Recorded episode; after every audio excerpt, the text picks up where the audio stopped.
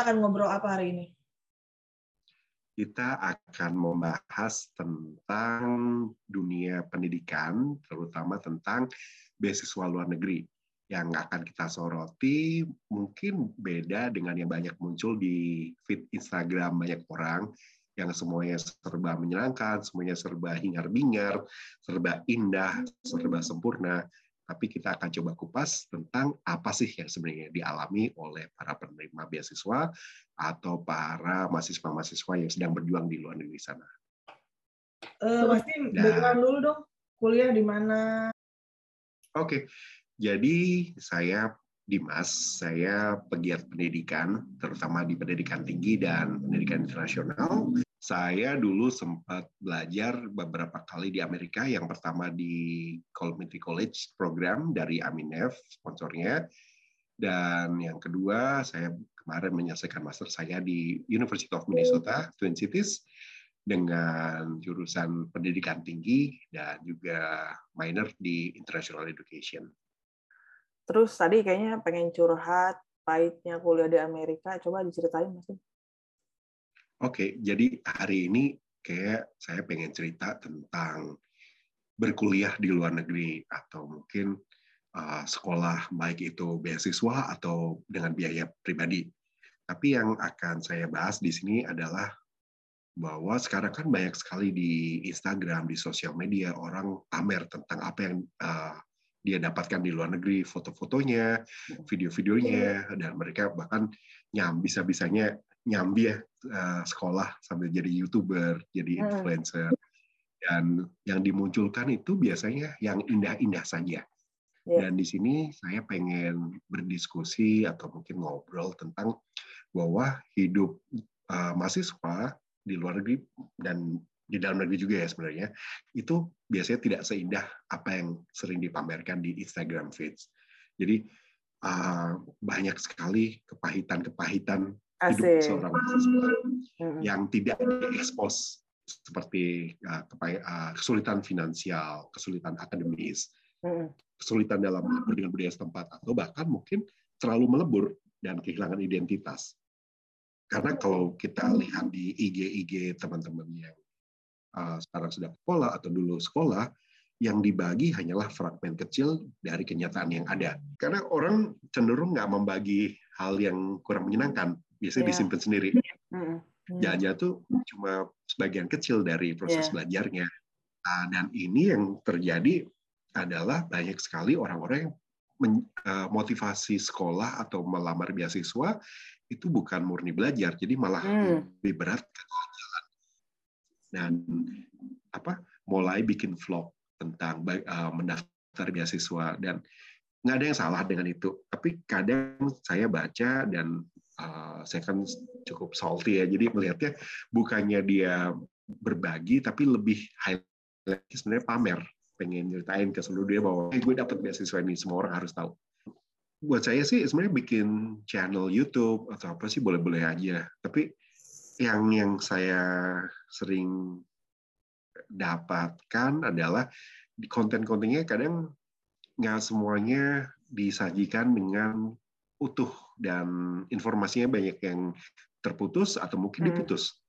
Sisi lain yang mungkin suka nggak diekspos uh, oleh penerima beasiswa maupun orang yang sedang belajar itu tentang struggle-nya di sana. Hmm. Uh, Apa aja misalnya, tuh? Kalau tadi misalnya tadi saya bil, uh, sempat uh, bilang tentang kesulitan finansial. Hmm. Oke, okay.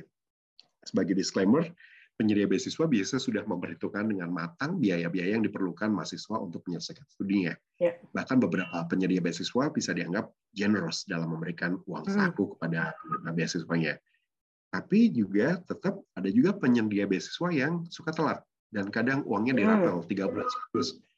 Terus ada juga hmm. beberapa teman yang sudah berangkat, tapi uang persiapan, uang keberatan itu belum diterima jadi dia terbang pakai modal sendiri. Iya kalau orang itu punya keleluasaan finansial. Nah, yang kurang masa udah apa ya harus pakai ngutang-ngutang dulu untuk bisa terbang ke sana. Uh, eh, yeah. Untuk yang saya cukup akrab itu beasiswa Fulbright dan beasiswa yang saya dapatkan di dari USAID mm. itu uh, skema beasiswanya itu tidak membuat penerimanya mengeluarkan uang sama sekali. Mulai dari bermacam-macam biaya tes, ongkos perjalanan, biaya hidup, biaya kuliah, semuanya sudah diurus oleh pemberi beasiswa. Tapi kondisi awal si penerima beasiswa itu bervariasi. Ini deh, uh, dari yang saya alami. Saya kenal mahasiswa Indonesia yang tinggal di luxury apartment. Meskipun itu student apartment, tapi tetap luxury student apartment. Fully furnished, uh, dia punya high-end appliance, termasuk uh, punya Google TV, punya Alexa, voice control thermostat, bahkan ada TV di kamar mandinya. Jadi kalau kos di situ nggak akan ketinggalan ketika ada pertandingan apa football gitu hmm. dia ke WC kamar mandinya masih masih ada. Terus ada juga mahasiswa Indonesia yang punya Tesla mobil itu awalnya dia kuliah di Seattle, kemudian lanjut di kota saya di Minneapolis. Nah, mobilnya itu disetirin dari Washington ke Minnesota. Oh enggak, mobilnya itu diterbangkan pakai pesawat. Terus juga ada mahasiswa Indonesia yang membawa asisten pribadi. Jadi dia bantu untuk uh, running errands, uh, masak, bersih-bersih, bantu editing sampai proofreading segala. Itu ada mahasiswa yang berkelimpahan sampai seperti itu. Hmm. Tapi ada juga mahasiswa yang beasiswanya kan sebenarnya jatah untuk satu orang, hmm. tapi dipakai untuk banyak orang. Hmm. Dalam arti dianya belajar, tapi beasiswa uang yang harusnya untuk dia sendiri dibagi untuk istrinya, untuk anaknya, untuk orang tuanya. Ya baik seperti kebanyakan uh, orang-orang Indonesia yang masih sandwich generation ya Terus ada juga mahasiswa penerima beasiswa yang membawa pasangan, membawa keluarga. Memang ada uh, penyedia beasiswa yang memberikan subsidi, tapi ada juga yang tanpa subsidi sama sekali. Hmm. Dan untuk beberapa orang pilihan untuk membawa keluarganya itu udah dipikirkan matang-matang juga, bukan sekedar mau mumpung lagi di sini. Karena uh, pengorbanannya banyak banget. Jadi ketika mereka memutuskan untuk membawa keluarganya, itu pilihan yang berat dan tanggung jawab cukup besar. Hmm. Kemudian ada juga mahasiswa yang punya tanggungan finansial, misalnya dia masih punya KPR atau mungkin dia punya uh, penyakit yang pengobatannya prosesnya masih jalan dan tidak ditanggung asuransi, atau malah mahasiswa yang punya masalah kombinasi dari tiga hal di atas, mm -hmm. tiga hal. Udah uh, dia kirim uang ke keluarganya, dia bawa keluarganya ke sana, dia masih punya tanggungan KPR, dia masih sakit dan nggak di cover asuransi. Jadi kondisinya bisa macam-macam cara finansial yang biasa dilakukan oleh mahasiswa baik yang uh, berkelimpahan maupun yang sempit di dompetnya biasanya akan irit. Tapi juga ada yang irit karena dia harus survive. Karena masalah-masalah yang tadi uh, uh, saya sempat bahas. Nah, ini yang biasanya orang cukup uh, kalau udah berangkat tuh mereka cukup berpikir strategis bahwa prinsip hidup hemat itu kan cukup sederhana ya sebenarnya. Yang pertama menambah pendapatan dan mengeluarkan pengeluaran. Untuk menambah pendapatan opsinya terbatas karena biasanya mahasiswa itu punya visa visa pelajar yeah. dan visa pelajar itu punya bata, banyak banget batasan-batasannya tidak bisa dilanggar ya ada sih yang nekat untuk bekerja bawah tangan hmm. tapi saya nggak pernah menganjurkan orang bahkan saya juga tidak memilih untuk melakukan ini karena uh, terlalu berisiko tapi juga ada cara lain untuk menambah pendapatan yang mungkin masih uh, banyaklah trik-trik yang dilakukan oleh mahasiswa-mahasiswa yang seperti ikut penelitian atau ikut study group atau ikut riset yang berbayar. Kemudian uh, saya uh, saya dulu pernah ikut beberapa riset ya. Karena saya tertarik dengan risetnya, ada juga yang saya tertarik dengan kompensasinya. Dari dari yang uh, harus mikir uh, tentang decision making, ada juga yang harus uh, disetrum-setrum untuk mencoba cari tahu apa pain threshold itu seperti apa.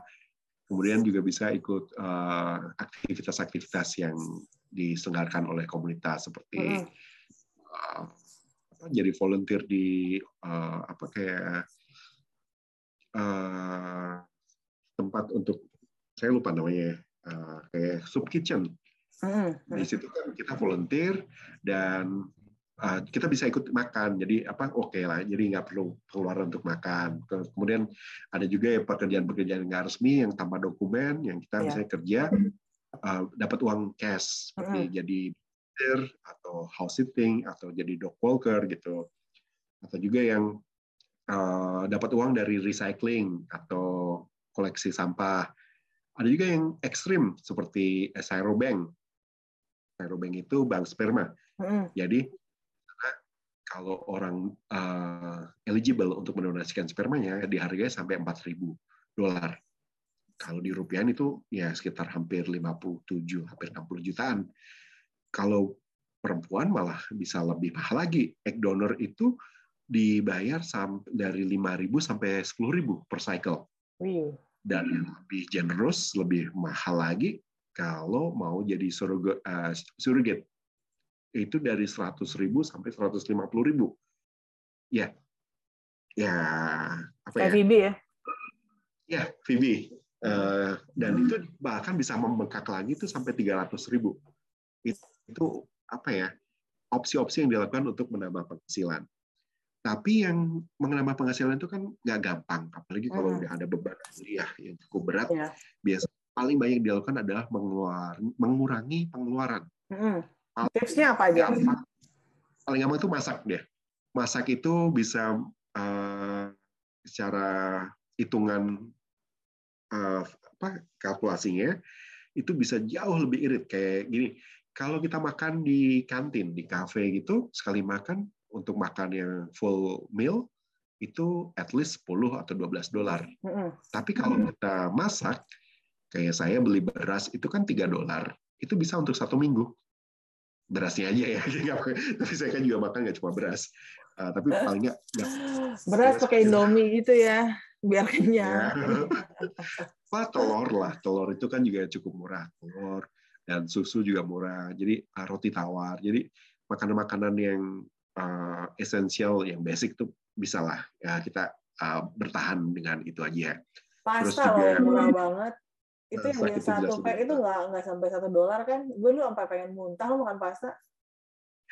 Ya hari ya, pasta yikes. Yes pasta. Kalau yang saya suka saya lakukan adalah saya suka datang ke gathering-gathering yang banyak makanannya karena biasanya kan potluck gitu kalau ngajian gitu ya Ya, itu yang heran saya datang ke kajian. Tapi kan ada potlucknya dan untuk menjaga harga diri kita nggak mungkin datang nggak bawa apa-apa. Jadi untungnya saya kan suka masak dan hobi baking juga. Jadi uh. Uh, kalau kita bikin butter cookies itu modalnya cuma tepung, gula, mentega. Itu udah diolah masuk oven jadi cookies.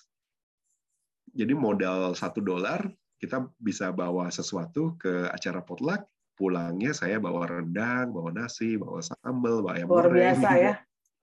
Hmm, Untung. Hebat banget. Gede. Hmm, tapi tetap datang bukan yang datang cuma ngambilin aja, jadi tetap datang bagi-bagi. Hmm. Pulangnya bawa lebih banyak. Uh, cara irit lain thrifting. Uh, thrifting mungkin di sini masih di Indonesia mungkin orang masih memandang sebelah mata ya uh, berburu pakaian bekas gitu. Tapi uh, banyak organisasi-organisasi yang uh, membuka apa ya uh, membuat thrifting itu jadi kegiatan komunitas yang menguntungkan banyak pihak kayak hmm. Goodwill itu hmm. selain dia jualan barang bekas dia juga provide training untuk orang-orang yang pengen kerja mencari pekerjaan belajar tentang bekerja mau nambah pengalaman membantu orang dengan disabilitas membantu orang yang apa homeless untuk bisa seek for his independence jadi Goodwill itu visinya sebenarnya bukan jualan, tapi dia pengen transform life and communities melalui power of work. Di Indonesia Dan, ada nggak sih yang mirip gitu? Kalau thriftingnya ada, ada ya? tapi gerakan gerakan untuk seperti Goodwill itu kayak belum ada deh. Hmm. Dan saya ingat kayak waktu kuliah di Amerika pertama kali tahun 2012, saya jalan-jalan ke Goodwill dan belanja di Goodwill uh, kita bahas di kelas karena saya kan kuliah uh, bisnis ya dan si profesor malah nyindir dan akhirnya saya jadi ngerasa nggak enak karena belanja di Goodwill Karena dengan belanja di, uh, di tempat itu dengan harga yang sangat murah, orang-orang yang sebenarnya deserve untuk barang murah kehilangan kesempatannya karena barangnya udah diambil kita. Hmm, jadi homeless gitu ya? Ya, jadi sungkan untuk belanja di Goodwill. Tapi tahun 2017 saya datang lagi dan saya ngerasa I deserve untuk belanja di Goodwill. Karena kan tadi ada kombinasi beberapa hal yang membuat uh, kesulitan keuangan. Jadi kalau nggak ke Goodwill ya susah. Tapi juga mungkin kalau orang enggan ke Goodwill ada juga toko-toko yang menjual baju atau perlengkapan musim yang sudah lewat. Kalau di Amerika atau di Eropa kan ada musim-musimnya. Jadi uh, musim panas, musim gugur, musim semi. Jadi kalau musimnya udah lewat, bajunya udah ganti, udah nggak laku. Terus ada uh, tentang ini mas, tentang housing. Gimana tipsnya biar bisa berhemat dari sisi housing? Oh housing, housing sih sebenarnya kalau misalnya paling paling gampang itu tinggal di kampus, tinggal di asrama yang disediakan oleh kampus, tapi itu biasanya mahal sekali. Mm -hmm. Kalau lebih berani uh, tinggal sedikit lebih jauh itu mungkin lebih murah. Karena daerah kampus seperti hanya di Indonesia. Kalau udah namanya Depok Margonda atau Tembalang eh, di Semarang itu ada kampusnya kos-kosannya mahal. Oh, dekat kampus makin mahal. Ya tapi juga kalau kita uh, ngubek-ngubek uh, apa ya kayak di Amerika tuh Craigslist kalau di Indonesia mungkin Kaskus kali ya yang mirip itu emang Kaskus masih ada udah udah udah nggak ada nggak ada. Itu ya. zaman kapan banget tuh kaskus? Oh iya 2012 saya masih ngubah-ngubah kaskus lah. Tapi ya, di Amerika tuh ada Craigslist dan dapat uh. saya dapat rumah di 2017 itu melalui Craigslist. Jadi ada satu rumah yang awalnya adalah fraternity house yang ditutup Ya, ditutup kenapa ya sebenarnya misteri karena biasanya fraternity house itu susah banget untuk ditutup. Jadi pasti ada sesuatu yang sangat busuk yang terjadi di rumah itu. Uh, dibeli oleh orang dan uh, disewakan per kamar dan saya tinggal di situ. Jadi satu rumah kecil ada 18 kamar dengan tiga kamar mandi. Dan pembagian kamar mandi adalah kamar mandi di basement adalah kamar mandi cowok, kamar mandi di lantai satu, kamar mandi cewek, kamar mandi di lantai dua, kamar mandi unisex. Hmm. Dan karena ada 18 orang dan cuma tiga kamar mandi, kita punya aturan yang nggak tertulis bahwa kalau kamu cuma pipis, nggak usah dikunci. Kalau cuma mandi, nggak usah dikunci. Yo. Jadi, ya, awal-awal itu masih ya hari pertama atau hari kedua itu lagi di kamar mandi lagi lagi gitu kan tiba-tiba pintu dibuka dan ah gua nggak bisa. uh, buka shower eh, buka apa uh, kordennya uh, ada orang langsung hey aku perlu pipis. Gitu oke. Okay. ya ya dia nggak bisa nunggu lagi. Kamar mandinya cuma ada tiga ya mungkin dua itu dikunci. Jadi satu-satu yang bisa dipakai. Dan karena dia laki-laki dia nggak bisa pakai kamar di lantai satu. Karena itu khusus cewek. Dan dari yang awkward gitu sampai akhirnya jadi biasa banget. Jadi sampai satu titik saya bisa aja apa habis lagi mandi gitu shower apa uh, habis mandi terus ada yang masuk kamar mandi terus langsung buka tirainya sambil ngobrol gitu bisa aja. Oh. awal-awal sih masih awkward tapi ya ya udahlah. Terus eh tapi di kondisi uang yang sangat mepet orang Indonesia tuh biasanya pinter-pinter. Uh, mereka bisa traveling bisa jalan-jalan ya ya itu dengan ngiritnya ya. Uh, dengan membuat apa ya strategi yang oke, okay, orang tuh bisa jalan-jalan. Kayak ya saya saya juga cukup bangga bisa melakukan itu karena dulu sempat jalan-jalan keliling Amerika melalui uh, ada ada kan namanya dulu masih ada sekarang udah nggak ada itu Greyhound Discovery Pass. Oh. mungkin karena orang-orang kayak saya ya jadi mereka sebel. Ini rugi, rugi ya. kita. karena Greyhound Discovery Pass itu dengan harga flat harganya waktu itu cuma ya, mungkin mungkin 100 dolar uh selama dua minggu kita bisa naik turun Greyhound kapan aja di mana dia uh, mana aja. Jadi saya cuma harus aware kalau sudah sampai ke selatan banget jangan sampai saya naik bis yang ke, ke Meksiko. Karena saya kan saya nggak boleh uh, keluar masuk Amerika jadi cuma keluar masuk kali aja. Kan bisa aja eh, ketiduran Greyhound itu bisa sampai Meksiko ya nggak cuma di US doang? Meksiko sampai Meksiko sampai Kanada juga kalau di US-nya East Coast West Coast ada semua. Jadi bisa ke mana ada. aja literally. Oh, bisa ke mana nice. aja. Jadi saya naik Greyhound itu ada yang saya jadwalin, ada yang uh, merem aja. Kan untuk ngirit biar nggak bayar hotel, saya selalu tidur di bis. Luar biasa. Jadi, hmm.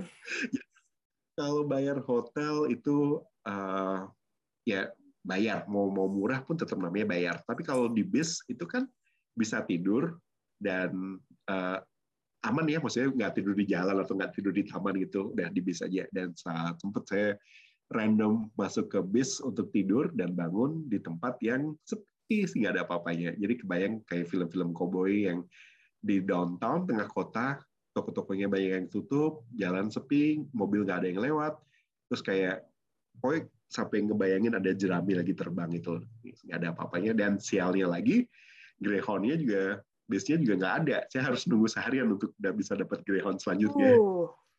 dan jadi stuck di kota itu jalan-jalan muter udah muter uh, berapa ya mungkin setengah jam itu udah balik lagi ke tempat yang sama terus, oke okay. jadi ngapain nih ya wis nunggu bisnya datang lagi terus ada juga yang out of the box yang nggak pernah dipikirkan sebelumnya tapi bisa membuat uh, orang terbebas dari kesulitan finansial kayak menang lotre dan tadi kan masalah finansial tapi juga ada masalah akademis mm-hmm. yang mereka kan tujuan utama harusnya tujuan utama uh, sekolah adalah untuk belajar tapi belajar itu kan ternyata nggak gampang apalagi yang motivasinya pengen jalan-jalan aja sangat terbentur dengan cara belajar yang beda dari yang pernah dialami. Harusnya kan proses penerimaan beasiswa itu memilih orang yang memang siap untuk belajar. Orang yang memang siap dengan tantangan. Tapi ya proses itu kan proses seleksi kadang kan juga ada bocornya. Nah, yang orang-orang yang melewati proses saringan bocor ini yang nantinya yeah. akan sangat struggle ya ya ada yang struggle dan dia fight untuk bisa bertahan atau bahkan mungkin nggak cuma bertahan tapi bisa excel tapi ada juga yang ya wis yang penting selesai atau bahkan nggak selesai. Atau yang penting lulus saja dengan IPK yang sangat minim yang penting pulang-pulang dia tetap gaya. Dia akan menyebut nama universitasnya nama negaranya tapi nggak pernah diungkap. IPK-nya berapa berapa kali dia fail itu nggak nggak dibahas. Atau mungkin uh, kayak mahasiswa, tapi nggak ada penelitiannya, nggak ada jurnalnya, nggak ada uh, kontribusinya ke keilmuan. Tapi yang lebih menyebalkan adalah mahasiswa-mahasiswa yang kurang berkontribusi di dunia keilmuan, tapi vokal sekali. Apalagi. Tapi itu kan kayaknya mayoritas seperti itu bukan? Menurut gua gini karena kalau pembeli hmm. pemberi beasiswa apalagi di Indonesia ya, yang hmm. ditargetkan itu bukan si individunya tapi organisasi di mana dia bekerja. Misalnya kayak kalau dulu Australia nih, pengalaman gue orangnya itu ngasih udah dijatah nih, misalnya kementerian, semua kementerian tuh kayak dapat berapa berapa berapa gitu.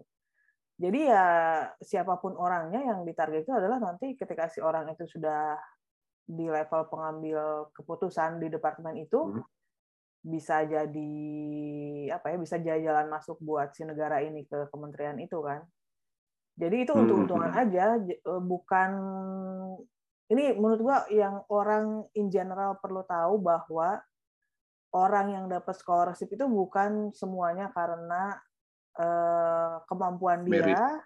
tapi hmm. karena dia bekerja di organisasi yang strategis yang menguntungkan okay. buat ya. pemberi beasiswa ya bisa diterima. Memang banyak prakteknya juga banyak yang seperti itu.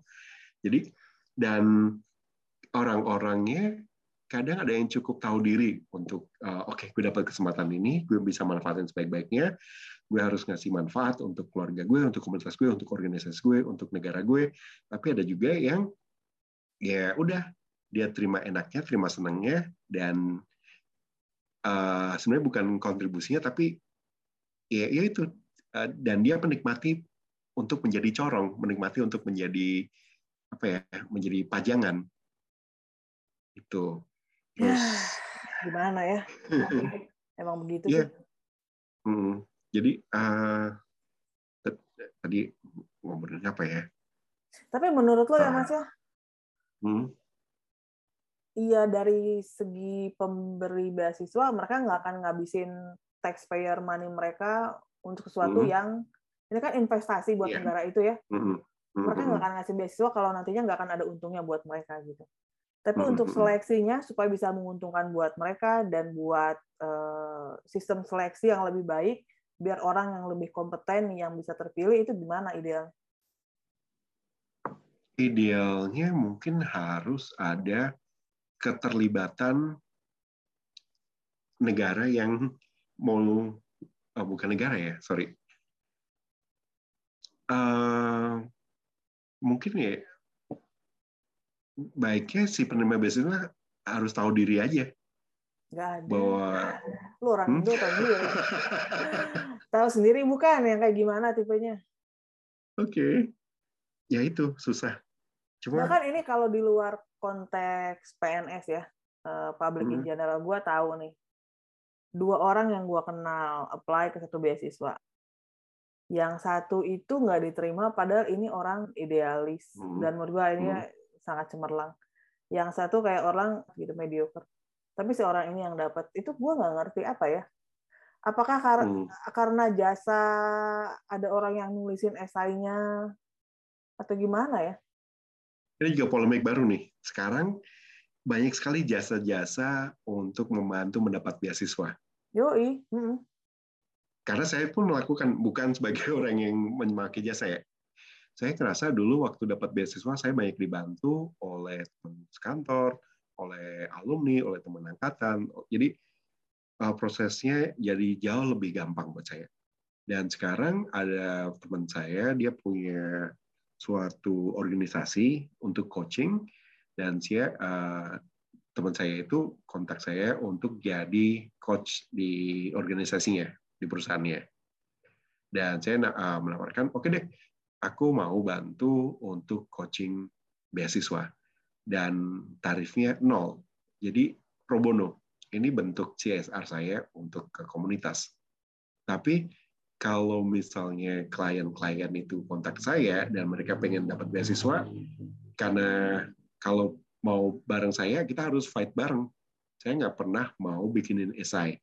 Saya nggak pernah mau milihin tinggal apa beasiswa mana yang cocok. Saya cuma ngasih menavigasi informasinya ada di sini. Kamu menentukan seperti ini. Jadi saya nggak nentuin oh beasiswa ini yang gampang ini. Jadi nggak kayak gitu. Apalagi kalau sampai uh, esainya gimana ya? Tolong uh, itu saya nggak pernah mau. Saya cuma pengen baca Nah, esai yang kalau lu mungkin masih idealis, tapi gue yakin di luar sana ada kayak mafia yang nulisin esai buat beasiswa. Gimana ya emang Well. nggak adil, tapi gimana ya? Ya itu. Saya uh, iya dan ya sekarang polemik ya mahasiswa makin uh, sorry beasiswa makin banyak pilihan dan seleksi juga kadang masih tertinggal prosesnya masih masih gitu-gitu aja dan sekarang orang ngakalin untuk bisa dapat beasiswanya udah udah udah belajar semua trik-trik dan bahkan mempelajari Hmm. kelemahan si beasiswanya Mm-mm. cuma mungkin ya ya apalagi ditambah sekarang pemerintah kita juga cukup apa ya generous memberikan kesempatan untuk belajar sebenarnya itu hal yang sangat bagus cuma sayangnya banyak yang nggak bertanggung jawab dengan kesempatan yang dia dapat kayak udah dibayarin harusnya kan ada timbal balik yang yang yang Bentuknya apa menurut lo timbal baliknya? kalau di dunia keilmuan ya dia harus bisa kontribusi di keilmuannya. Tapi mostly orang-orang yang dapat scholarship ini dari kalau dari pemerintah asing ya, itu kan Hmm. mostly PNS ya. Jadi emang orang pekerja gitu, bukan akademisi. Kalau menuntut mereka Hmm. berkontribusi di jurnal ilmiah gitu agak berlebihan nggak sih? Oke. Ya, Dan background-nya bukan ilmiah juga gitu, mereka bukan orang yang menulis akademis kan, mm, orang kantoran. hmm, apa ya? Sebenarnya kan ya ini karena dua mata sih sih. Uh, karena ada hidden agenda dari si pemberi beasiswa itu yang harus habis hidden jalan. agenda yang bukan hidden juga ya? Kayaknya kalau gue sih realistis ketika gue dapat beasiswa dari pemerintah asing gue tahu gitu. Itu buat mereka investasi kan? There's no such hmm. thing as free lunch. Semua juga investasi buat mereka. Cuma ya mungkin sekarang kita cuma bisa sementara kita dapat mungkin tahu itu bukan free lunch tapi ya kayak orang lagi di buffet aja ambil yang paling bagus ambil yang paling enak paling kita sukai kita dapat untung biar apa mereka dapat untung kita juga dapat untung dan kalau bisa bukan cuma kita yang dapat untung komunitas kita juga bisa dapat uh, apa ya kita yang dapat kesempatan tapi yang nggak berangkat itu bisa ngerasain manfaat. Oke. Okay. Untuk closing Mas Dim, apa kenangan paling berkesan selama kuliah di US? Oke, sebenarnya banyak ya, nggak cuma ada satu. Jadi selama dua tahun itu pengalaman banyak. So, mungkin kalau dihitung yang dulu, yang kuliah pertama juga nggak cuma dua tahun kan. Uh-huh. Tapi yang paling berkesan adalah dapat pengalaman hidup yang beda banget dengan Indonesia. Kuliah yang sangat bisa dinikmati. Karena pada saat kuliah S1 saya, saya nggak enjoy dengan kuliah saya. Jadi kuliah itu seperti uh, proses untuk bisa dapat nilai bagus di ujian. Itu aja. Hmm. Hmm. Tapi di pengalaman saya sekolah di tempat yang cukup baik ini, saya belajar bahwa udah nggak peduli lagi sama nilainya. Yang penting saya mau tahu apa yang terjadi. Uh, saya pengen tahu tentang um, tiap kasus, tiap teori, dan akhirnya udah nggak peduli nilainya A, B, C itu udah bukan hal yang dipikirin. Dan di situ saya juga belajar bahwa makin banyak kita tahu, kita tuh jadi semakin merasa kecil. Jadi kan sebelum berangkat uh, kuliah ini, saya kan cukup lama di dunia pendidikan tinggi dan kayak sok tahu lah. Oh, gini udah pernah, ini tahu, ini tahu, ini tahu, ini tahu. Dan ternyata begitu kita ketemu dengan orang yang benar-benar tahu, kita jadi tahu bahwa yang kita tahu tuh nggak sebanyak apa ya, nggak sebanyak yang kita pikirin Ya. Jadi semakin merasa kecil dan semakin merasa banyak yang perlu dipelajari. Itu aja sih okay. humbling experience yang saya dapat selama belajar di luar. Uh, lebih ke bahwa belajar beneran itu ternyata menyenangkan. Makanya saya kayak hmm. ketagihan belajar terus belajar lagi. Kalau dulu waktu masih di sini saya belajar untuk bisa dapat nilai bagus, untuk bisa dapat uh, eh, IPK yang tinggi, untuk bisa dapat kerjaan. Tapi kalau di sana uh, belajar itu challenging, tapi juga rewarding. Itu. Thank you Mas Dim. Thank you, Bye.